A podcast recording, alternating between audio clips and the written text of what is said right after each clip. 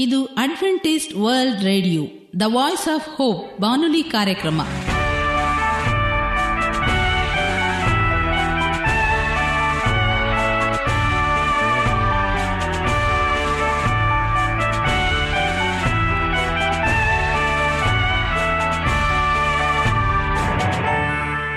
ನಮಸ್ಕಾರ ಪ್ರೀತಿಯ ಕೇಳುಗರೆ, ನಮ್ಮ ನಿಲಯದ ಕನ್ನಡ ಕಾರ್ಯಕ್ರಮಕ್ಕೆ ತಮ್ಮೆಲ್ಲರಿಗೂ ಆತ್ಮೀಯ ಸುಸ್ವಾಗತ. ಮುಂದಿನ ಮೂವತ್ತು ನಿಮಿಷಗಳಲ್ಲಿ ಸುಮಧುರವಾದ ಹಾಡುಗಳು, ಆರೋಗ್ಯದ ಸಂದೇಶ, ಮಕ್ಕಳಿಗೆ ನೀತಿ ಕಥೆಗಳು ಹಾಗೂ ದೇವರ ವಾಕ್ಯವನ್ನು ಕೇಳೋಣ. ಈ ಕಾರ್ಯಕ್ರಮ ನಿಮಗೆ ಸಂತೋಷವನ್ನು ಕೊಡಲೆಂದು ಕೋರುತ್ತೇವೆ. ಈ ಕಾರ್ಯಕ್ರಮದ ಪ್ರಾರಂಭದಲ್ಲಿ ಸುಮಧುರವಾದ ಗೀತೆಯೊಂದನ್ನು ಕೇಳೋಣ.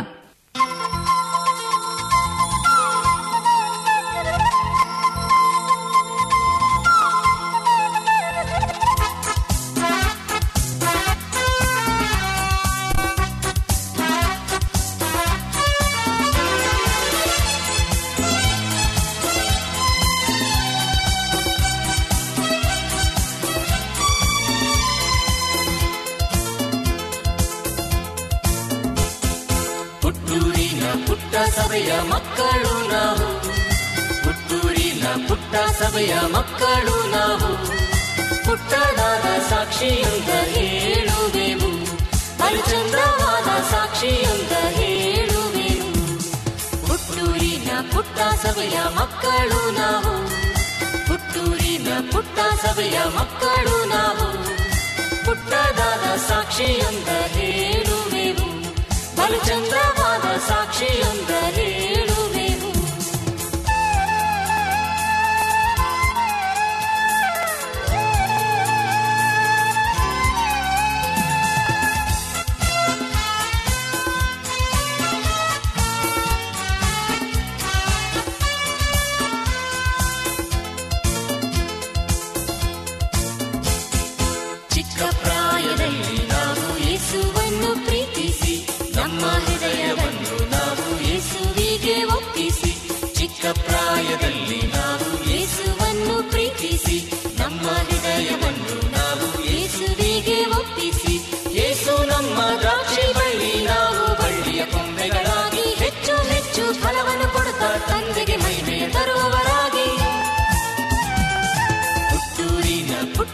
ಸಭೆಯ ಮಕ್ಕಳು ನಾವು.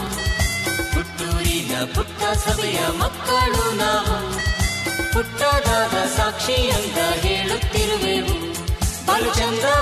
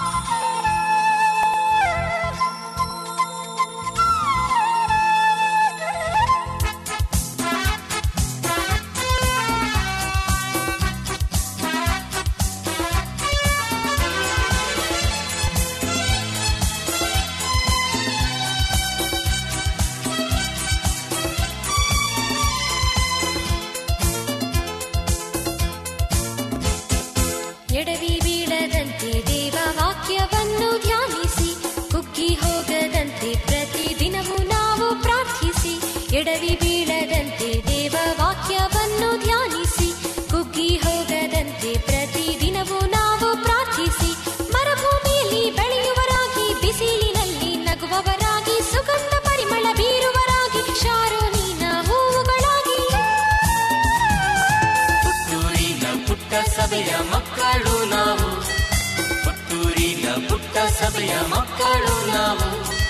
ಪುಟ್ಟದಾದ ಸಾಕ್ಷಿಯೊಂದ ಹೇಳಿದೆವು. ಬಲು ಚಂದವಾದ ಸಾಕ್ಷಿಯೊಂದ ಹೇಳಿದೆವು. ಲಲ್ಲಲ್ಲ ಲಲ್ಲಲ್ಲ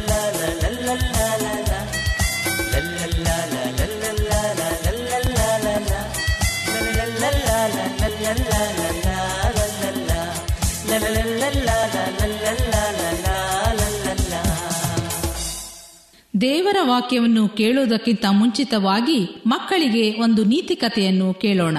ಒಂದಾನೊಂದು ಊರಿನಲ್ಲಿ ಒಬ್ಬ ಮೀನು ಹಿಡಿಯುವ ಬೆಸ್ತನಿದ್ದನು. ಅವನು ಪ್ರತಿನಿತ್ಯವೂ ಮೀನುಗಳನ್ನು ಹಿಡಿದುಕೊಂಡು ಬಂದು ಸ್ವಲ್ಪವನ್ನು ಮಾರಿ ಇನ್ನುಳಿದವುಗಳನ್ನು ತಾನು ತಿನ್ನುತ್ತಿದ್ದನು. ಹೀಗೆ ಅವನು ತನ್ನ ಜೀವನವನ್ನು ನಡೆಸುತ್ತಿದ್ದನು. ಒಮ್ಮೆ ಮೀನುಗಾರನು ಮೀನು ಹಿಡಿಯಲೆಂದು ಒಂದು ಕೆರೆಯ ಬಳಿಯಲ್ಲಿ ಬಂದನು. ಅವನು ಕೆರೆಯ ದಡದ ಮೇಲೆ ನಿಂತು ತಾನು ಹೀಗೆಂದುಕೊಂಡನು ನಾಳೆ ಈ ಕೆರೆಯಲ್ಲಿ ನಾನು ಬಲೆಗಳನ್ನು ಹಾಕುತ್ತೇನೆ. ಇವತ್ತು ಇಲ್ಲಿ ಬೇಡವೆಂದು ಮತ್ತೊಂದು ಕೆರೆಗೆ ಹೋದನು. ಕೆರೆಯ ದಡದ ಮೇಲೆ ಮಾತನಾಡುತ್ತಿದ್ದುದನ್ನು ಕೆರೆಯ ಒಳಗೆ ಇದ್ದ ಎರಡು ಮೀನುಗಳು ಕೇಳಿಸಿಕೊಂಡವು. ಒಂದು ಮತ್ತೊಂದು ಮೀನಿಗೆ ಹೇಳಿತು, ಗೆಳೆಯ, ಈ ಕೆರೆಯಲ್ಲಿ ಇರುವುದು ಬೇಡ, ಯಾಕೆಂದರೆ ಬೆಸ್ತನು ಹೇಳಿದ ಮಾತು ನನಗೆ ಭಯ ಉಂಟು ಮಾಡಿದೆ ಆದ್ದರಿಂದ ನಾವು ಈ ರಾತ್ರಿಯೇ ಮತ್ತೊಂದು ಕೆರೆಗೆ ಹೋಗಿ ಬಿಡೋಣ ಇಲ್ಲವಾದರೆ ನಾವು ಸಾಯುವುದು ನಿಜ ಎಂದು ಮೀನು ಹೇಳಿತು. ಮತ್ತೊಂದು ಮೀನು ಜಂಬದಿಂದ ಅವನು ಹೇಳಿದ ತಕ್ಷಣ ನಾವು ಈ ಕೆರೆಯನ್ನು ಬಿಡುವುದು ಸರಿಯಲ್ಲ. ಅವನು ಸುಮ್ಮನೆ ನಮ್ಮನ್ನು ಭಯ ಹುಟ್ಟಿಸಲು ಹೇಳಿ ಹೋಗಿದ್ದಾನೆ. ಇದಕ್ಕೆ ನೀನು ಭಯಪಡಬೇಡ, ಸುಮ್ಮನಿರು ಎಂದು ಸಮಾಧಾನ ಪಡಿಸಿತು. ರಾತ್ರಿ ಕಳೆದು ಸೂರ್ಯನ ಕಿರಣಗಳು ನೀರಿನೊಳಗೆ ಬಂದವು. ಮೀನುಗಳು ಆಟವಾಡಲು ಪ್ರಾರಂಭ ಮಾಡಿದವು. ಇದ್ದಕ್ಕಿದ್ದಂತೆಯೇ ನಿನ್ನೆ ಹೇಳಿ ಹೋದ ಮೀನುಗಾರನು ಕೆರೆಯ ದಡದ ಮೇಲೆ ಬಲೆಗಳನ್ನು ತೆಗೆದುಕೊಂಡು ಬಂದೇ ಬಿಟ್ಟನು. ಮೀನುಗಳಿಗೆ ಭಯ ಉಂಟಾಯಿತು. ಒಂದು ಮೀನು ಹೇಳಿತು, ನನ್ನ ಮಾತನ್ನು ನೀನು ಕೇಳಿದರೆ ಈಗ ನಾವು ಸಾಯುವ ಪರಿಸ್ಥಿತಿ ಬರುತ್ತಿರಲಿಲ್ಲ ಎಂದು ಗೊಳೋ ಎಂದು ಅಳುತ್ತಿತ್ತು. ಮೀನುಗಾರನು ಬಲೆಗಳನ್ನು ಹಾಕಿದನು. ಸ್ವಲ್ಪ ಸಮಯಕ್ಕೆ ಆ ಎರಡು ದೊಡ್ಡ ಮೀನುಗಳು ಬಲೆಯಲ್ಲಿ ಸಿಕ್ಕಿಕೊಂಡವು. ಮೀನುಗಾರನು ಬಲೆಗಳನ್ನು ದಡದಕ್ಕೆ ಎಳೆದುಕೊಂಡು ಬಂದು ಸಂತೋಷದಿಂದ ಖುಷಿಪಟ್ಟನು. ಜಂಬದಿಂದ ಒಂದು ಮೀನು ವಿಲವಿಲ ಎಂದು ನೆಗೆಯುತ್ತಿತ್ತು, ಆದರೆ ಇನ್ನೊಂದು ಮೀನು ಸತ್ತಂತೆ ನಟಿಸಿತ್ತು. ಬಿದ್ದುಕೊಂಡಿತು. ಮೀನುಗಾರನು, ಅಯ್ಯೋ, ಎರಡು ಮೀನುಗಳು ಸಿಕ್ಕೆತ್ತೆಂದು ಅಂದುಕೊಂಡರೆ ಒಂದು ಮೀನು ಸತ್ತು ಹೋಗಿದೆ ಎಂದುಕೊಂಡು ಅದನ್ನು ಎತ್ತಿ ಕೆರೆಗೆ ಬಿಸಾಡಿದನು. ಜಂಬದ ಮೀನನ್ನು ಬುಟ್ಟಿಯಲ್ಲಿ ಹಾಕಿಕೊಂಡು ಹೊರಟು ಹೋದನು. ಮಕ್ಕಳೇ, ಈ ಕಥೆಯಿಂದ ನಾವು ಯಾವ ಪಾಠವನ್ನು ಕಲಿಯುತ್ತೇವೆ? ದೇವರು ಎರಡನೇ ಸಾರಿ ಬರುತ್ತಾನೆ ಎಂದು ಹೇಳಿದ್ದಾನೆ. ಆದರೆ ನಾವು ಗೊತ್ತಿದ್ದು ಸಿದ್ಧವಾಗದಿದ್ದರೆ ನಾವು ನಿತ್ಯ ರಾಜ್ಯವನ್ನು ಕಳೆದುಕೊಳ್ಳುತ್ತೇವೆ. ಆದ್ದರಿಂದ ನಾವು ಎಚ್ಚರಿಕೆಯ ಮಾತುಗಳನ್ನು ಗಮನದಲ್ಲಿಟ್ಟುಕೊಂಡು ಸಿದ್ಧರಾಗಿರೋಣ. ವಂದನೆಗಳು. ಈಗ ಮತ್ತೊಂದು ವಿಶೇಷ ಗೀತೆಯೊಂದನ್ನು ಕೇಳೋಣ. ಈ ಹಾಡನ್ನು ಕೇಳಿದ ಮೇಲೆ ನಿಮ್ಮ ಮನಸ್ಸು ದೇವರ ವಾಕ್ಯವನ್ನು ಕೇಳಲು ಸಿದ್ಧವಾಗಿದೆ ಎಂದು ತಿಳಿದಿದ್ದೇವೆ.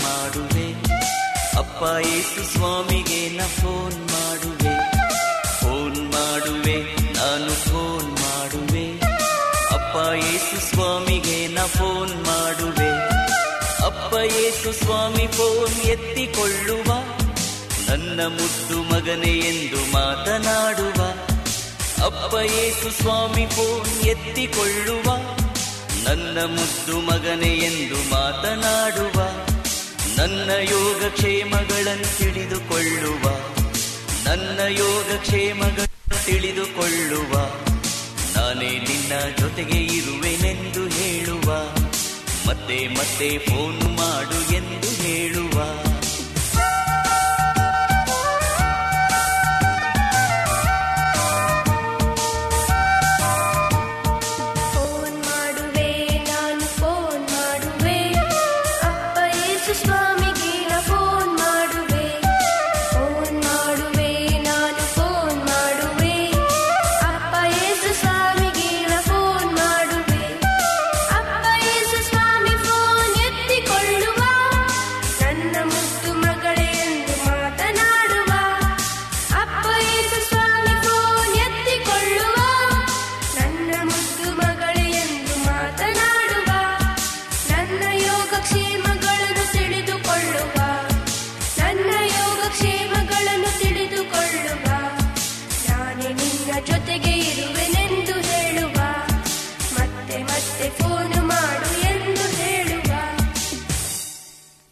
ನಮ್ಮ ಬಾನುಲಿ ಬೋಧಕರಾದ ಸುರೇಂದ್ರರವರಿಂದ ದೇವರ ವಾಕ್ಯವನ್ನು ಕೇಳೋಣ.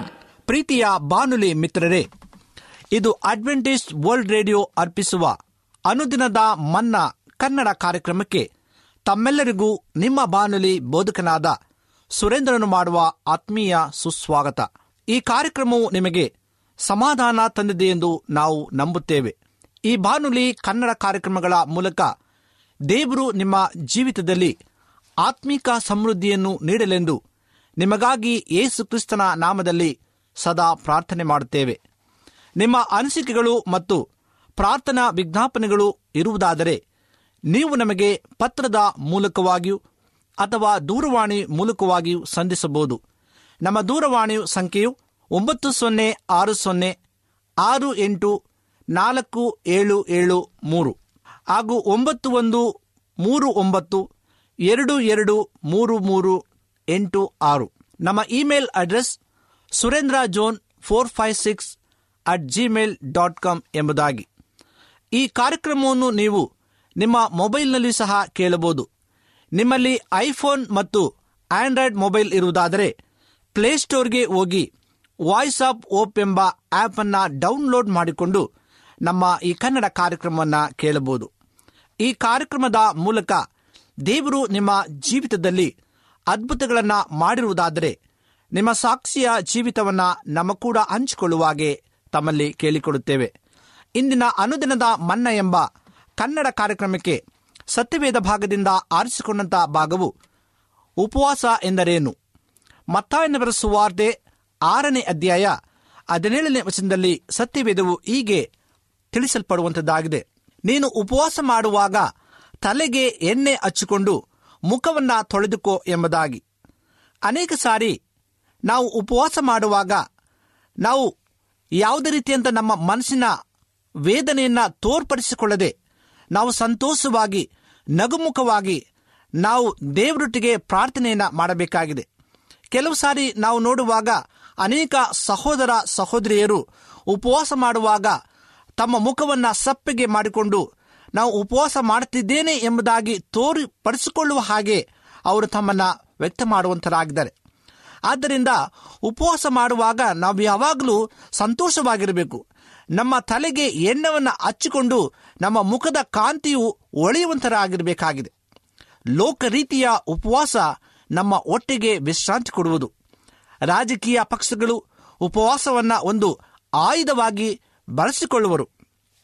ಯೋಗಿಗಳು ತಮ್ಮ ಶಾರೀರಿಕ ಪಾಪ ಶೋಧನೆಗಳನ್ನ, ಇಚ್ಛೆಗಳನ್ನ ನಿಗ್ರಹಿಸಲು, ಸುಖ ಭೋಗಗಳನ್ನ ತೊರೆದು ಉಪವಾಸ ಮಾಡುವರು. ಹಲವು ಪ್ರಾಣಿ ಪಕ್ಷಿಗಳು ಕೂಡ ಆಗಾಗ್ಗೆ ಉಪವಾಸ ಮಾಡುವುದು ಉಂಟು.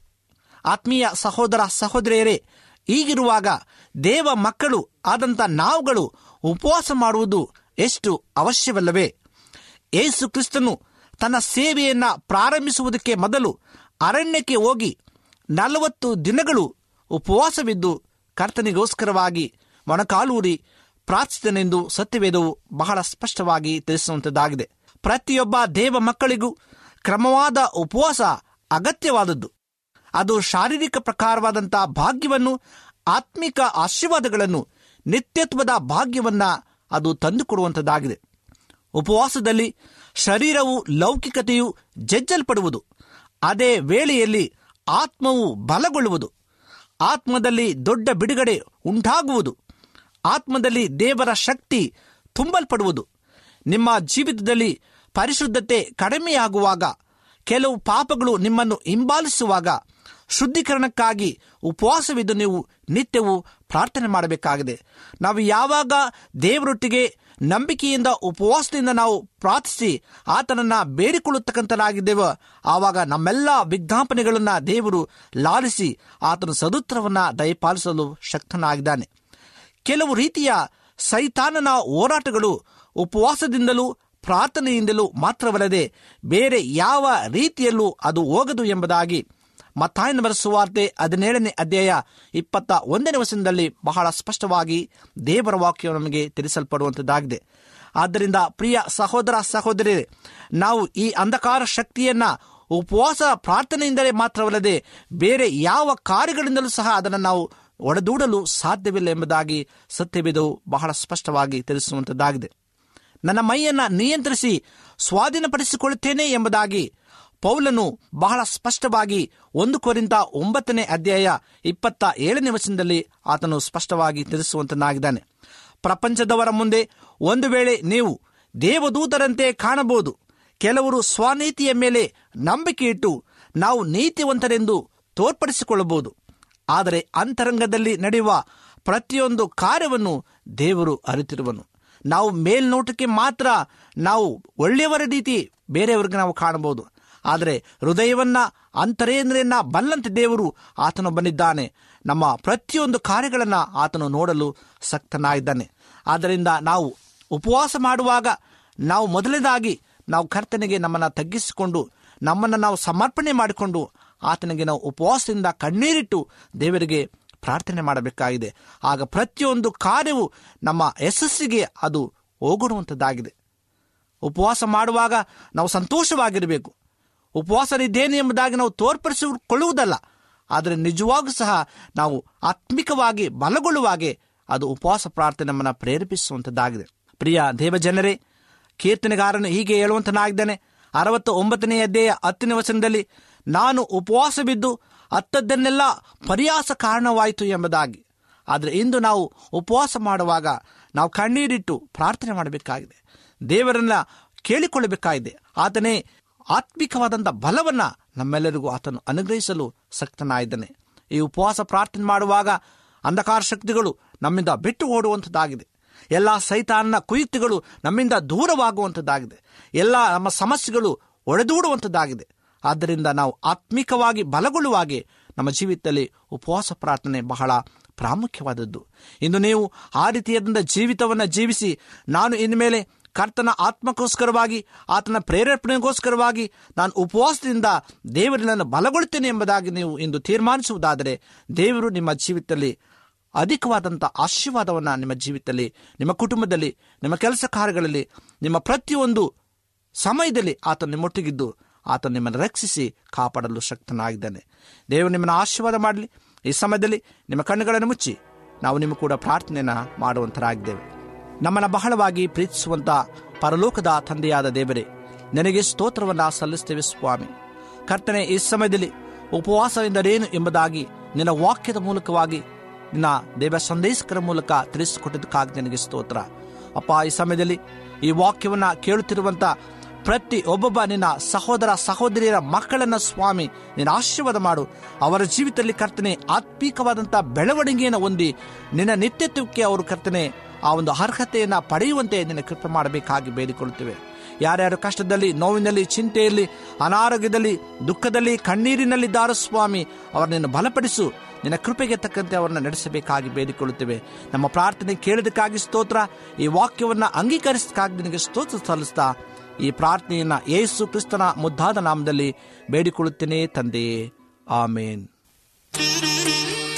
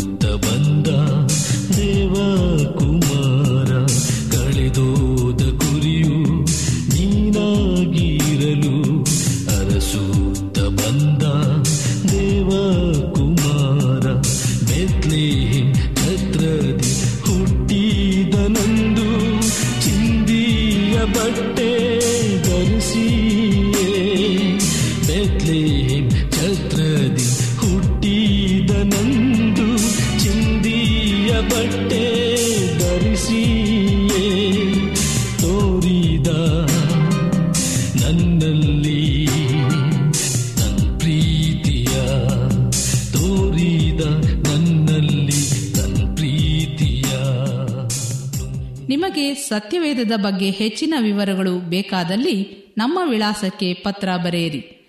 ನಮ್ಮ ವಿಳಾಸ ಅಡ್ವೆಂಟಿಸ್ಟ್ ವರ್ಲ್ಡ್ ರೇಡಿಯೋ ಟಪಾಲು ಪೆಟ್ಟಿಗೆ ಒಂದು ನಾಲ್ಕು ನಾಲ್ಕು ಆರು, ಮಾರ್ಕೆಟ್ ಯಾರ್ಡ್, ಅಂಚೆ ಕಚೇರಿ, ಪುಣೆ ನಾಲ್ಕು ಒಂದು ಒಂದು ಸೊನ್ನೆ ಮೂರು ಏಳು, ಮಹಾರಾಷ್ಟ್ರ, ಇಂಡಿಯಾ. ನಮ್ಮ ಫೋನ್ ನಂಬರ್ ಸೊನ್ನೆ ಒಂಬತ್ತು ಸೊನ್ನೆ ಆರು ಸೊನ್ನೆ ಆರು ಎಂಟು ನಾಲ್ಕು ಏಳು ಏಳು ಮೂರು. ಧನ್ಯವಾದಗಳು. ಮತ್ತೆ ಇದೇ ಸಮಯಕ್ಕೆ ನಿಮ್ಮನ್ನು ಭೇಟಿ ಮಾಡುತ್ತೇವೆ. ದೇವರು ನಿಮ್ಮನ್ನು ಆಶೀರ್ವದಿಸಲಿ. ನಮಸ್ಕಾರಗಳು.